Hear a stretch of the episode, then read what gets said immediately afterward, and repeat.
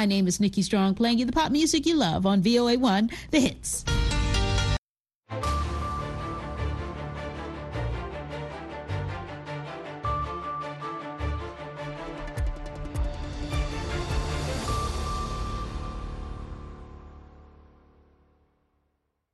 halkani waa washington laanta af soomaaliga v o a oad ka dhegeysaneysaan mawjadaha gaagaaban efemyada geeska africa iyo caalamkao dhan oo nagala socotaan bogeen internetka ee v o a somaly com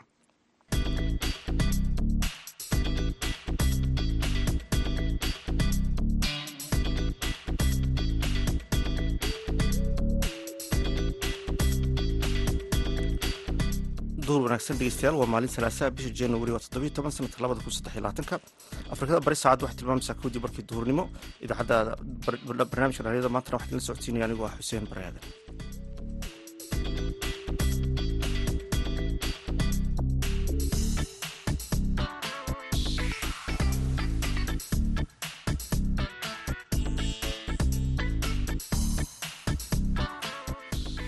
qodobadaad ku maqli doontaan waxaa ka mid a dugsiyo ay dhallinyarada ka bartaan farsamada gacanta oo laga howlgeliyay magaalada dhuusamareeb ee galmudug waxaan diyaarinay brogaraamo dadku markii ay bartaan iskood inay u shaqaystaan ay suuragal tahay waxaana naga saacida hay'adda w f b brogaraamadan aan hadda qabanno waxay faa'iido u leedahay dadka waxbarashadii ka daahday inay xirfad bartaan xirfadaas oo ay nolol maalmeedkooda inay ku dabaraan ay rabaan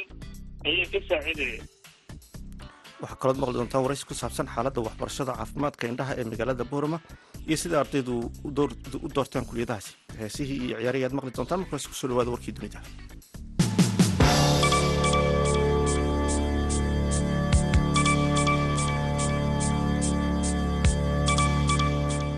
ciidamada dowladda soomaaliya oo sii wada gulufkooda militari ayaa maanta qabsaday magaalada ceeldheer ee gobolka galguduud sidaasna waxaa sheegay saraakiisha gaashaandhigga ee dowladda soomaaliya. Qabashada ceeldheer ayaa waxaa xaqiijiyey wasiirka gaashaandhigga soomaaliya cabdulqaadir maxamed nuur oo sheegay in si nabad ah ay ula wareegeen ciidamadu. Waa magaaladii saddexaad oo ka tirsan maamul goboleedka galmudug oo ay ciidanka dowladdu ka qabsadaan al-shabaab muddo laba maalin gudahooda. Ciidanka dowladda ayaa shalay qabsaday magaalooyinka galcad iyo weliba xaare dheere oo ka kala tirsan gobollada mudug iyo galguduud dhinaca kalena maleeshiyada al-shabaab ayaa weerar ku qaaday xero ay ciidamada dowladdu ku lahaayeen deegaanka xawaaley ee gobolka shabeella dhexe oo ilaa shan iyo toddobaatan kilomitir waqooyi ka xigta magaalada muqdisho. Weerarkan ayaa al-shabaab ay u adeegsadeen qaraxyo iyo maleeshiyaad weerar ah. Waxaana ku dhintay shan askari oo ka tirsan dowladda soomaaliya oo ku jiro gaashaanle sare abshir maxamuud maxamed shataqi sida ay sheegtay warbaahinta dowladda soomaaliya warbaahinta dowladda soomaaliya ayaa sheegtay in weerarkaasi ay ciidanku iska waabiyeen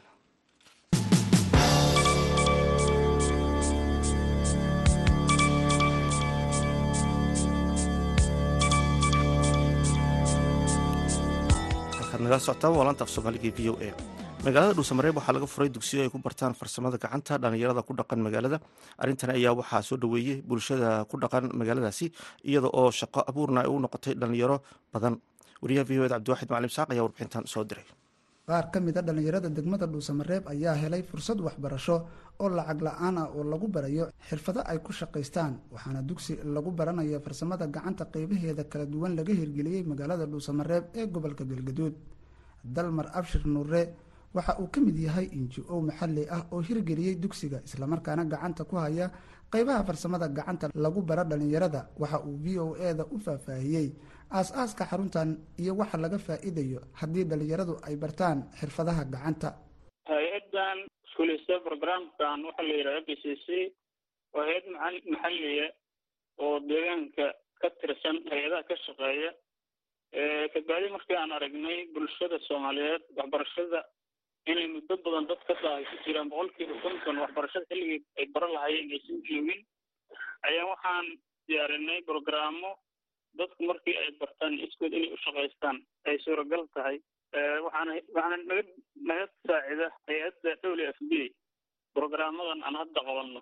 Waxay faa'iido u leedahay dadka waxbarashadii ka daahday inay xirfad bartaan xirfadaas oo ay nolol maalmeedkooda inay ku dabaraan ay rabaan ayay ka saacidaya maxaa yeele qofka hadduu wax barto oo wax uu ku shaqaysto oo barto noloshiisii iyo qoyskiisii iyo qaraabadiisii ayuu inuu dabero ay suuragalta marka sidaas ay bulshada deegaanka ay aad iyo aada u soo dhaweeyeen brogaraamada oo qofkii markii uu barto oo si fiican loo tababaro uu ku shaqaysanayo dalmar ayaa qeybaha hadda ay ku bilaabeen iyo dhalinyarada fursadda u heshay inay ka faa'iidaystaan ka waramaya aad iyo aad umahadsanta hadda waxaan wadnaa afar program oo bishii abril soo bilowday. Ilaa september meelahaas qiyaasaan ku socda lix bilood program soconaya. Programadaas oo kale ah ragga in la baro korontada iyo iyo faryaamada gacanta oo wax dhisitaanka iyo wax walba isugu jirta hablahana waxaan barnaa oo haddaan programadan hadda socda ku jira cilaansaarka iyo qurxinta dumarka dhammaan qurxinta dumarka wax loo yaqaan iyo dharkarinta afartaas program wiilashu laba labadaas program ayay kala xulanayaan. Olow qof walba anagoo kula talina qof walba markaas wixii uu jecel yahay oo hiwaayadiisa inuu labadaas program ka doorto hablahana sidoo kale ayaguna way kala xushaan labadaas program afartaas program ayaan wadnaa. Markaan dhamaynana waxaan rajaynaynaa kuwo ama ka sii faa'iido badan ama lamida inaan inaan haddana aan bilowno cabdiweli maxamed guuleed oo fursaddu ay u saamaxday in uu wax ka barto dugsiga farsamada gacanta ayaa sheegaya isbeddelka imaan kara haddii dhalinyaradu ay wax bartaan. Aada iyo aad inoo anfee dhalinyaro badan aan iska ahayn baagmuddo haddana shaqa abuura nolo samay shaqadaas markay noo dhamaato waxaan nahay dad wax bartay oo shaqaysan kara aad bay noo anfacaysaa marka. Aada iyo aad wax badan ay ku soo kordhin kartaa deegaanka. Waa iska taqaanin baagmuddo haddii wax la baro oo kabacdi waxbuu qabsan karaa oo sidii hore waa ka fiican marka farsamadaas aad iyo aad ay noo anfee nooca aan barta waxa weeye faryaamada guryaha ama nooc kasta lagu shaqayso inkastoo dhalinta wax ka barata dugsiga farsamada gacanta ee dhuusamareeb ay u badan yihiin rag haddana waxaa jira hablo dhalinyaro ah oo iyaguna waxbarashada farsamada gacanta ka barta dugsiga gaar ahaan cilaansaarka iyo qurxinta dharka haweenku ay xirtaan. Ayaan maxamed ayaa ii sheegtay barashada xirfadan in ay wax badan ka dabooli doonto xaalkeeda nololeed. Waad mahadsan tahay marka ugu horeysa waxa aan baranana waa farsamada gacanta gaar ahaan cilaansaarka iyo sida dharka haweenka loo kariyo. Sababta igu kaliftana waxa weeye inaan ku dabaro nolol maalmeedkeyga iyo maxaa la dhahayay arrimo aniga ii gaara. Ha si fiican. Fursado wanaagsan ayaa ka jira gobolka sababtoo ah sanadihii la soo dhaafay arday badan oo ka qalin jebiday farsamada gacanta oo hadda waxaa jira xirfada macalinimada ku shaqaysta. Hadda macalimiinta anaga wax noo dhigaa arday oo waxa weeye horey uga soo qalin jebiday farsamada gacanta sidaas ayaa igu kaliftay marka inaan aniguna durufeyga aan anigoo xataa marka qaar wakti aan u helinin inaan barto farsamada gacanta. Barashada xirfada gacanta ee dhalintu ay ku howlan yihiin xilligan maxay tahay waxa ay ka bedeli karto nolosha dhalinyarada dhuusamareeb waa mahadsan tahay waxa waaye horta dhalinyaradu waxay wax ka bedeleysaa qofku hadduu wax barto waxaa ka baxaya waxuu helayaa kalsooni inuu wax qabsan karo. Oo bulshada wax la qabsan karo. Qofku markuu wax yaqaan inta badan ma haleelo. Cid walba gacanta uma yeerto oo waxay rabto kama samaydo.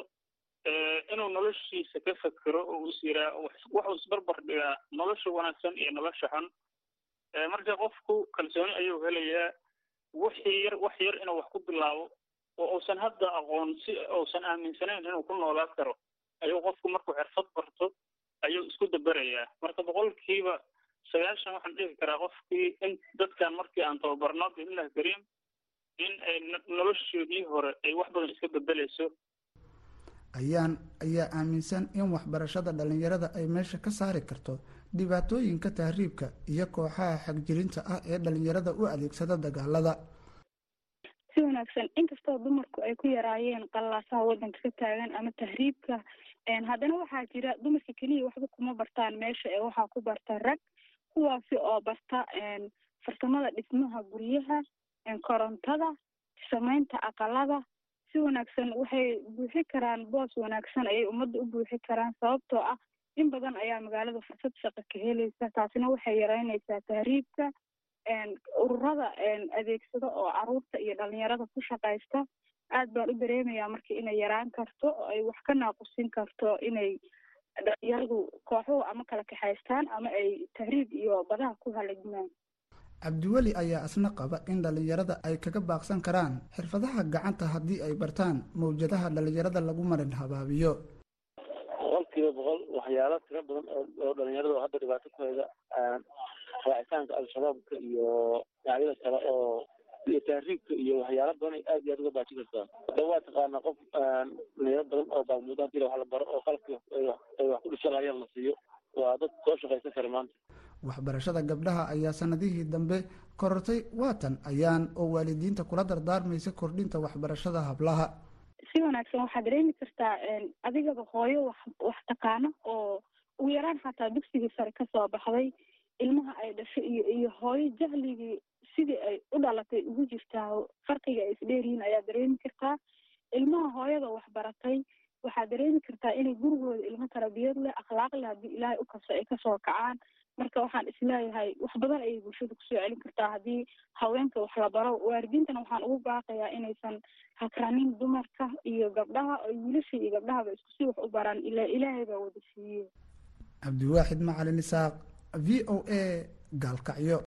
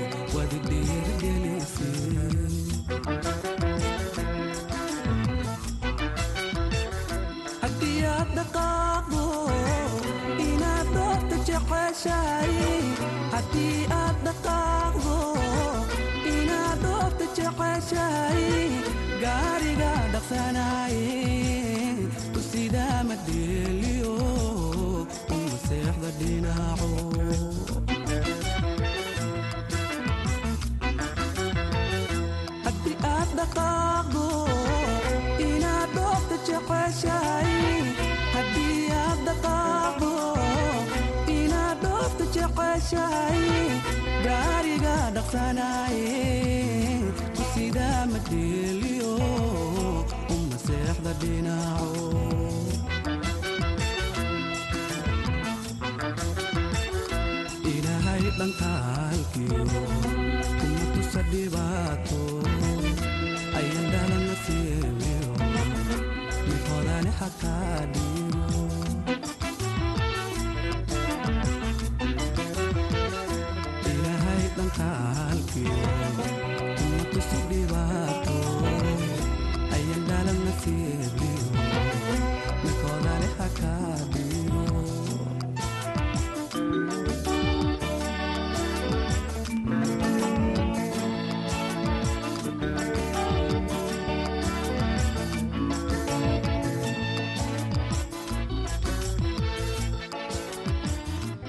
dhegeystayaal nagala socotaan waa laanta af soomaaliga v o a oo si toosa idinka imaanaysa washington.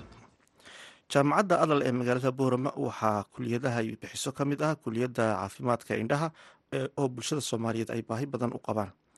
Cabdi cilmi obsiye ayaa ka mid ah dhakhaatiirta jaamacadda wax ka dhiga waxaana waxyaabaha ay baraan ardayda iyo siday jaamacadda u howlgasho uu faahfaahin ka siiyey wariyaha v o eda haashim sheekh cumar good jaamacadda adal medical university qaybta culunta indhaha barata waxaa la asaasay tobankii.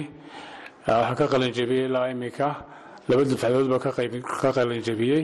Dufcaddii koowaad waxay ahayd ilaa soddon arday baa ka qalinjabiyey. Dufcaddii labaadna waxa weeyaan shan iyo toban baa ka qalinjabiyey. Intaasoo arday baa ka qalinjabiyey ilaa imika. Dhallinyarada ka qalinjabiyey culunta indhaha ee caafimaadka maxay qabtaan hadda markay qalinjabiyaanse meelheed u dirtaan markay qalinjabiyaan ardaydaasi waxaan u kala dirnaa isbitaallada waa inay muddo sana hal sana ah soo shaqeeyaan. Internship one year baa la yidhaahdaa muddo sanada bay soo shaqaynayaan waxaan u kala dirnaa qaybaha isbitaallada somalilan oo dhan. Ay ka mid yihiin isbitaalka weyn ee hargeysa group hospital iyo manhal isbitaalka qaybta manhal ee qaybta indhaha ee hargeysa iyo qaybta iyada oo maxay adal international hospital ah saddexdaa qaybood uunu kala qaybinaa. Ilaa iminka waxa weeyaan sannadkii hore qoladii qalanjebisay qaar badan baa already ka howlgala moogtahay isbitaalka manhal ka shaqeeya iyo isbitaalka hargeysa. Qaarna annagayna la shaqeeyaan. Qaar waxay ka shaqeeyaan maxay berbera. Qaar waxay ka shaqeeyaan qardho iyo boosaaso. Oo ardaydii ka timida waxa weeyaan dhinaca bari nooga timida weeyaan aad bay u howlgalaan dadkiina aad bay uga faa'iideeyaan. Aqoontoodii bay dadka maxay ku soo kordhiyeen. Aad baa loo mahadiyey. Si fiican bayna dadka ugu shaqeeyaan. Doctor cabdi cilmi obsiye ma is leedahay baahida loo qabo daaweynta xanuunada indhaha? Qayb ayay ka qaadanayaan dhallinyaradan ka qalin jebinaysa kuliyadda culunta caafimaadka ee indhaha. Waa run aad si aaday uga qayb qaadanayaan way dhakhaatiirta siiba qaybta indhaha baratay aad waa dad aada u kooban weeyaan. Hargeyso kale dhowr dhakhtar baa jooga waa toddoba sideed kama badna. Boolama ilaa shan lix afar baa jooga.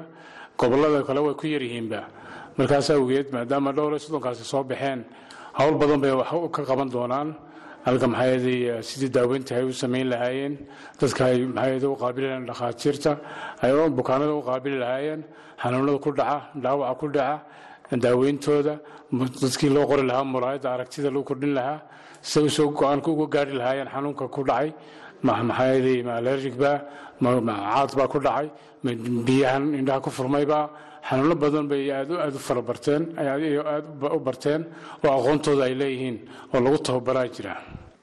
Waxaad ka mid tahay dhakhaatiirta waaweyn ee muddo afartan sano gaadhaysa soo shaqaynayey kana soo shaqaynayey dhinaca xanuunada ku dhaca indhaha. Bulshadeenna xanuunada ugu badan ee ay u yimaadaan cusbitaalka indhaha kuwee ka mida xanuunada u badan inta badan u yimaadaan waxa weeyaan xanuunada qaar baa moogtahay indhala-aan keena qaarna waa cuncun iyo xasaasiyad iyo waxyaabaha la mid ah.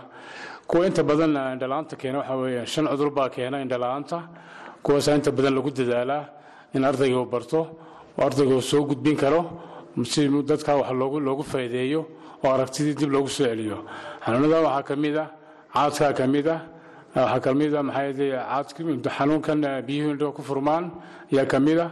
Waxaa ka mid ah xanuunkan vitamin deficiencyga vitamin aadu ay keento aragti la'aanta oo iyaguna daaweyn u baahan.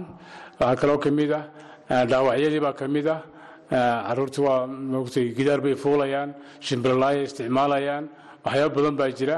Ama dadka waaweyn baaba markay mirqaamaan jaadka budisku intay ul qaataan isu garaacayaba waa jiraan kuwii xoolo dhaqatadiiba iyaguna isdilaaya meel kastiiba dhaawac iyo dhib baa ka soo gaadhaysa kuwaasina aragti la'aan bay keenayaan.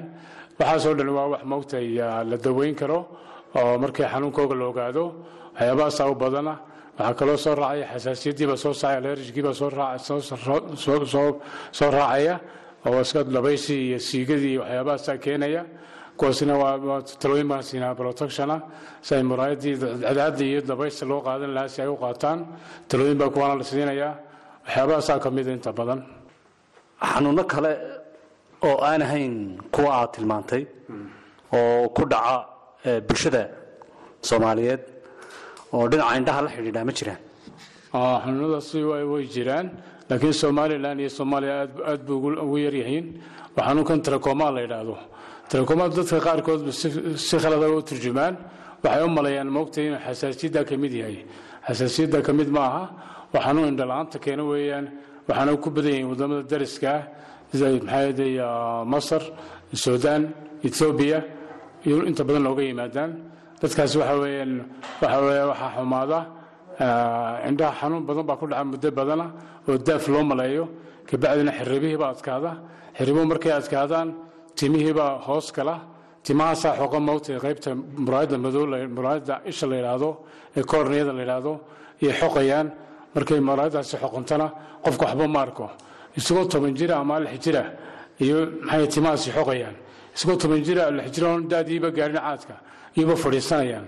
Dad badan baa sidaas ku indhabeela inkastoo ila somalilan aanay xanuunadaas aanay jirin laakiin dad etoobiya nooga yimaado weeyaan xanuunadaas ayaa jira oo iyaguna aragti la'aanta keena. Kaasi wuxuu ahaa doctor cabdi cilmi obsiye oo ah dhakhaatiirta dhinaca indhaha khibradda iyo takhasuska gaarka u leh ee ka howlgala cusbitaalka adal international hosbital iyo jaamacadda adal medical university oo ku taala magaalada boorame ee gobolka awdal haashim sheekh cumar good v o a boorame. Halkaad weli nagala socotaana waa laanta af soomaaliga ee v o a. Markana ku soo dhawaada xubintii ciyaaraha iyo maxamuud mascade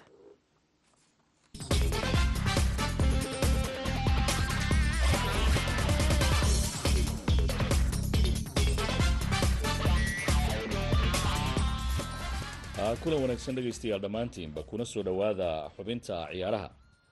Koobka f a kaabka ee kubadaha la ciyaara dunida kan ugu faca weyn ayaa caawa mar kale la isugu soo noqonaya iyadoo kulamada caawa dhacaya ay lugtii hore barbaro soo noqotay islamarkaasina kooxahani tii badisahay caawa ay wareega kale u soo gudbi doonto. Kulamada dhacaya ayaa haddaba waxaa ka mid a agriton stanley iyo braham wood ayaa kulmi doona. Halka forest green rovers ay gurigeeda ku martigelinayso kooxda birmingham city. Swan city bristol city ayaa u iman doonta halka wigan athletic ay luton town la kulmi doonto. Kooxda kubadda cagta ee albion iyo jeserfield ayaa iyaguna kulmi doona laakiin kulanka sida weyn isha loogu hay ayaa waxa uu dhex marayaa labada kooxood ee ka wada tirsan horyaalka waddanka ingiriiska ee wolverhampton wonders iyo liverpool. Kulankii hore ayaa labadan kooxood gegida anfield waxa ay ku soo kala baxeen laba iyo labo iyadoo caawana guriga wolfis lagu kulmayo. Ciddii badisa ayaana wareega kale ciyaaraha f a kaabka u soo gudbi doonta. Haddaba kooxda kubadda cagta ee liverpool oo waayahan guuldarooyin la daalaadhacaysay kulanka caawa oo gurigeeda weliba ay ka maqan tahay ma soo badin doontaa? Iyo arrimo kale ayaan barnaamijka ku falanqaynaynaa. Cabdiraxiin kismaayo oo muqdisho jooga ayaa ila falanqaynaya. Cabdiraxiin soo dhawow kooxda kubadda cagta ee liverpool lugtii hore barbaraa lagu soo celiyay weliba gurigeeda. Caawa maxaa laga fili karaa? Ciyaarta aad u xiiso badan tahay mascado tartanka f a kaabkana waa mid xiiso badan oo kooxaha marka ingiriiska horyaalkiisa laga soo tagay ku tartamaan ah liverpool kulankii hore toddobadii january gurigeeda ayaa laba gool iyo laba gool lagu soo geliyey wolfs waa koox adag oo premier league ay ka wada ciyaaraan. Saan ognahayna labadii kulna u dambeeyey kooxda horyaalka ciyaartay waa laga soo adkaaday. Si guud marxaladan wanaagsan inay ku jirtaa liverpool sanadkan iyo guud ahaanba xilli ciyaareedkan caawase tartankan haddii ay ka gudubto niyad ayay u helayaan inay kooxda moralkeeda u soo laabto. Laakiin haddii caawa ay wolfs dhaafi waayaan wolverhampton mar kale ay liverpool waxay waddada sii saaraysaa wadadii ahayd guuldarooyinka joogtada ahaa ee saaka xigay inay tartan ka hartana dhibaato kale ku sii noqon doontaa. Marka liverpool iyo yordan club caawa shaqo adag ayaa u taala kulankii horena saalax iyo nunes ay labada gool ka heleen.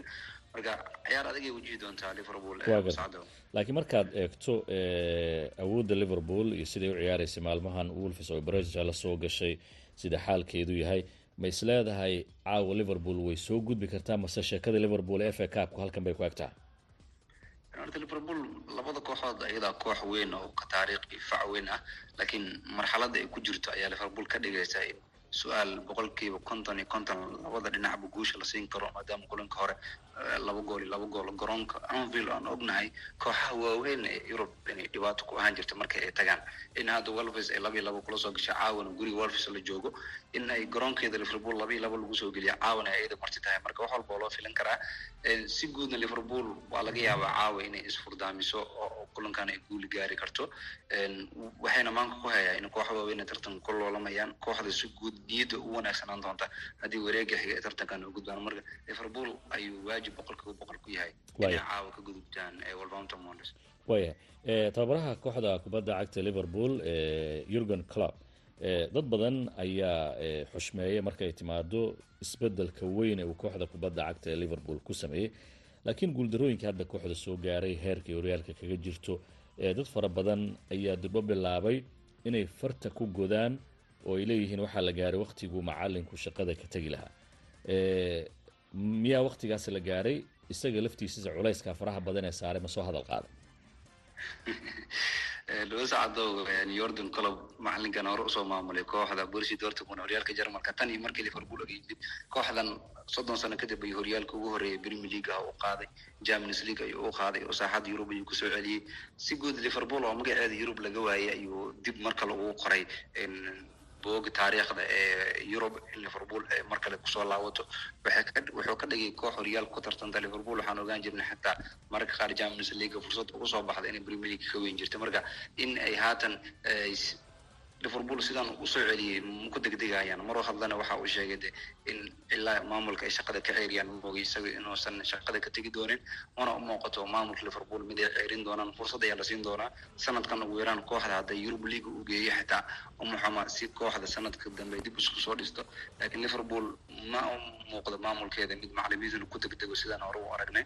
Haddana ninkan guule ayuu la gaaraba marka dadka qaba in fikradooda in yordan club waqtigiisii u dhamaaday mar waa iska suurtagal oo de kooxda waqtiga guuldarooyinka ku jirta maruu kooxda fooqada sare geeyo oo guuli ku hogaamiyey iyadoo meel hoose ka soo qaaday haddana waxaa laga waqtigii kooxda ay soo laabanaysay ama guuldarooyinka xilligeedii la gaaray laakiin yordan club maamul liverpool ay si fudud ku ceyrin karaan uma muuqdo sida laga arki karo. Waa tahay ad baad mahadsan tahay cabdilxinow dabcan kooxda kubadda cagta ee liverpool shaki kuma jiro in ciyaartooy badan lafteedu ay dhaawac kaga maqan yihiin oo isbeddel samayn kara cabdilxiin aad iyo ad baad umahadsan tahay. Dhegeystayaaalkaasi waxa uu cabdilxiin kismaayo isagoo jooga magaalada muqdisho barnaamijka marti ugu ahaa kulamada kale ee caawa dhacayana waxaa ka mid ah horyaalka wadanka spain aan idhahdee coba del rey.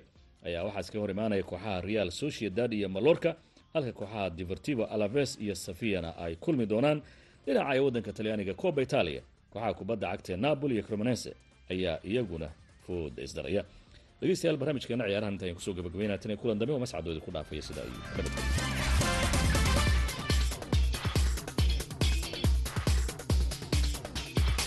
waa tahay dhegeystayaal gabagabadii barnaamijkeena ayaan soo gaarnay baahintiina idaacadada ayaa intaas ku idil waxaan isku macsalaamin doonaa mid ka mid a heesahaan inay ku talagala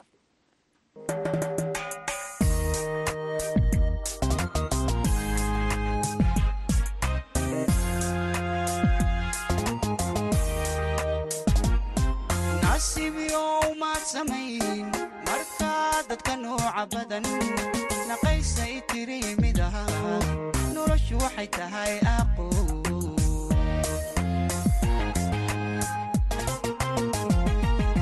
nasiib yahow maad samayn markaa dadka nooca badan naqaysay tiri midahan noloshu waxay tahay aqo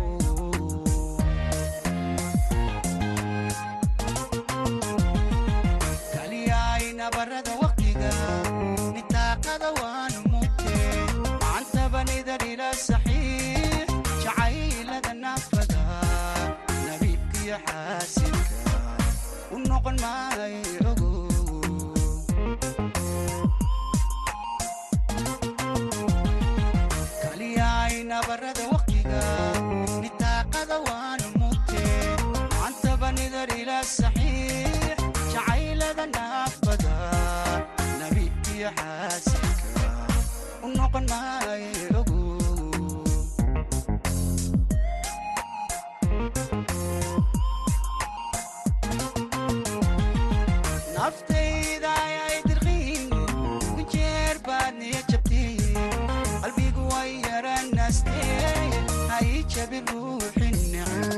hay jabi ruuxin neceb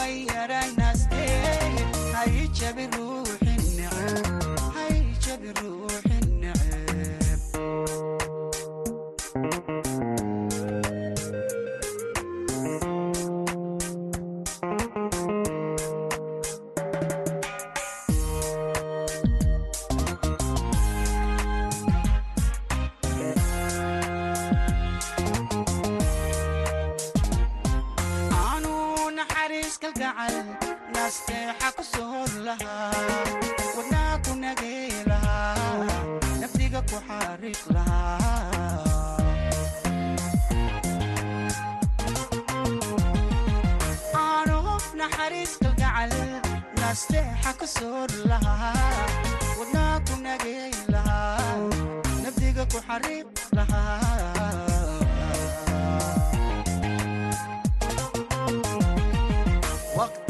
adigu